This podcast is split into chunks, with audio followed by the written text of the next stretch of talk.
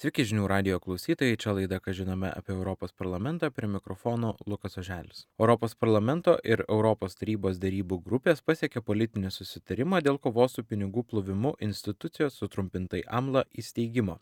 Ši institucija prižiūrėtų naująjį ES kovos su nešvarių pinigų srautais taisyklių rinkinį. Jei būtų pavesta tiesiogiai prižiūrėti rizikingiausius finansinius subjektus tuos, kurie vykdo veiklą ne mažiau kaip šešiose valstybėse narėse. Be to, AMLA veiktų kaip vienijantis centras, padedantis koordinuoti įvairių ES šalių priežiūros institucijų veiksmus ir užtikrinti priežiūros praktikos suderinamumą. Remiantis parlamento siūlymu, AMLA taip pat būtų pavesta tarpininkauti ir spręsti nacionalinių institucijų ginčius. Pinigų plovimo prevencijos kompetencijų centro vadovė Eglė Lukašienė teigia, jog po įvykusių skandalų ES skiria didžiulį dėmesį pinigų plovimo prevencijai. Kadangi atsiranda vis naujų finansinių produktų, finansinės technologijos nuolat keičiasi ir tobulėja, atsiranda ir naujos pinigų plovimo rizikos. Kaip pabrėžė Eglė Lukašienė, ES pinigų plovimo reguliavimas nuolat tobulinamas, o AMLA tai yra viena iš šios sugriežtintos politikos dalių. AMLOS įsteigimas ir įkūrimas yra e, vienas iš etapų prasidėjusių stiprinant apskritai pinigų plovimo prevenciją ES lygmenių. E, tai e, direktyva reguliuojanti pinigų plovimo prevenciją ji yra nuolat keičiama ir AMLOS steigimas yra vėlgi vienas iš, iš paketo elementų, kuris yra skirtas dar didesniam dėmesiui pinigų plovimo prevencijai. Pinigų plovimo prevencijos kompetencijų centro vadovė akcentuoja, jog Europai reikia centralizuotos institucijos tam, jog direktyvos įgyvendinimas būtų suderintas visose šalise narėse.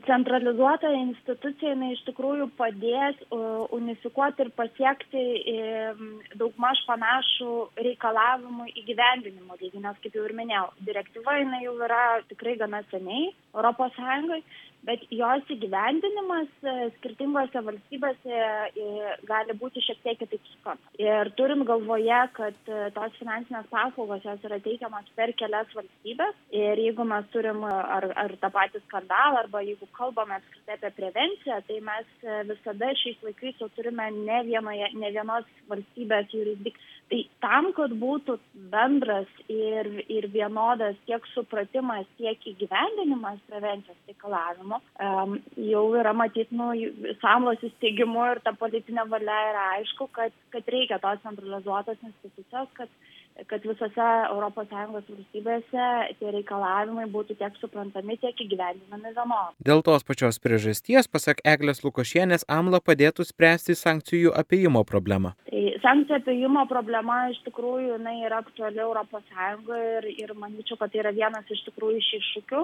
Ir, ir, ir iššūkis yra tame, kad vėlgi yra reguliavimas yra, bet svarbiausia yra to reguliavimo gyvendinimas. Ir vėlgi, kada kadangi šalis narės e, tiek įgyvendina, tiek supranta tos reikalavimus skirtingai, e, yra matomas poreikis, kad atsirastų institucija, kuri e, tiek padėtų suprasti, bet kartu ir užtikrintų tą patį sankcijų reikalavimų tinkamai gyvendinimą kiekvienoje valstybėje vienodai.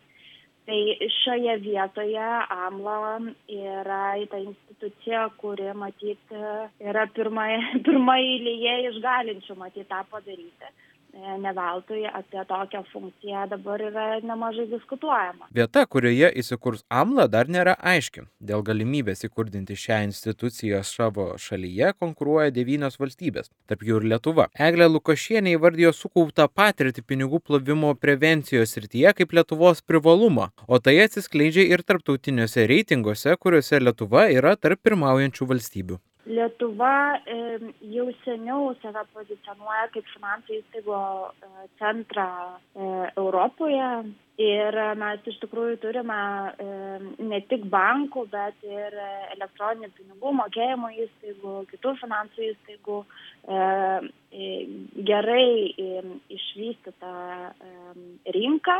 Ir AMLOS įsteigimas Lietuvoje būtų toksai dar papildomas žingsnis ir, ir patvirtinimas, kad Lietuva tikrai yra tas finansų centras ne tik naujų rinkos dalyvių ir esamų rinkos dalyvių brandos prasme, bet, bet ir priežiūros prasme. Tai, tai čia iš tos pusės iš tikrųjų Lietuvai būtų milžiniška nauda.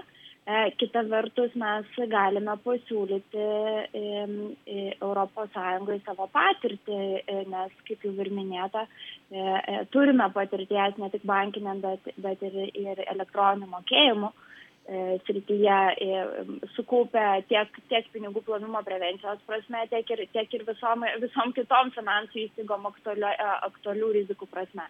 Tai ta patirtis yra, manau, viena iš mūsų E, didžiausių privalumų. E, e, kita vertus, kas yra dar nemažai svarbu, kad turėdami tokią įvairialypę patirtį mes gerai atrodome tarptautiniuose indeksuose, kurie vertina pinigų plovimo prevencijos patirtį. Tai paminėtinas Bazelio indeksas, kur, kur Lietuva patenka į pirmą dešimtuką savo regione. Taip žinių radijui kalbėjo pinigų plovimo prevencijos kompetencijų centro vadovė Eglė Lukošienė.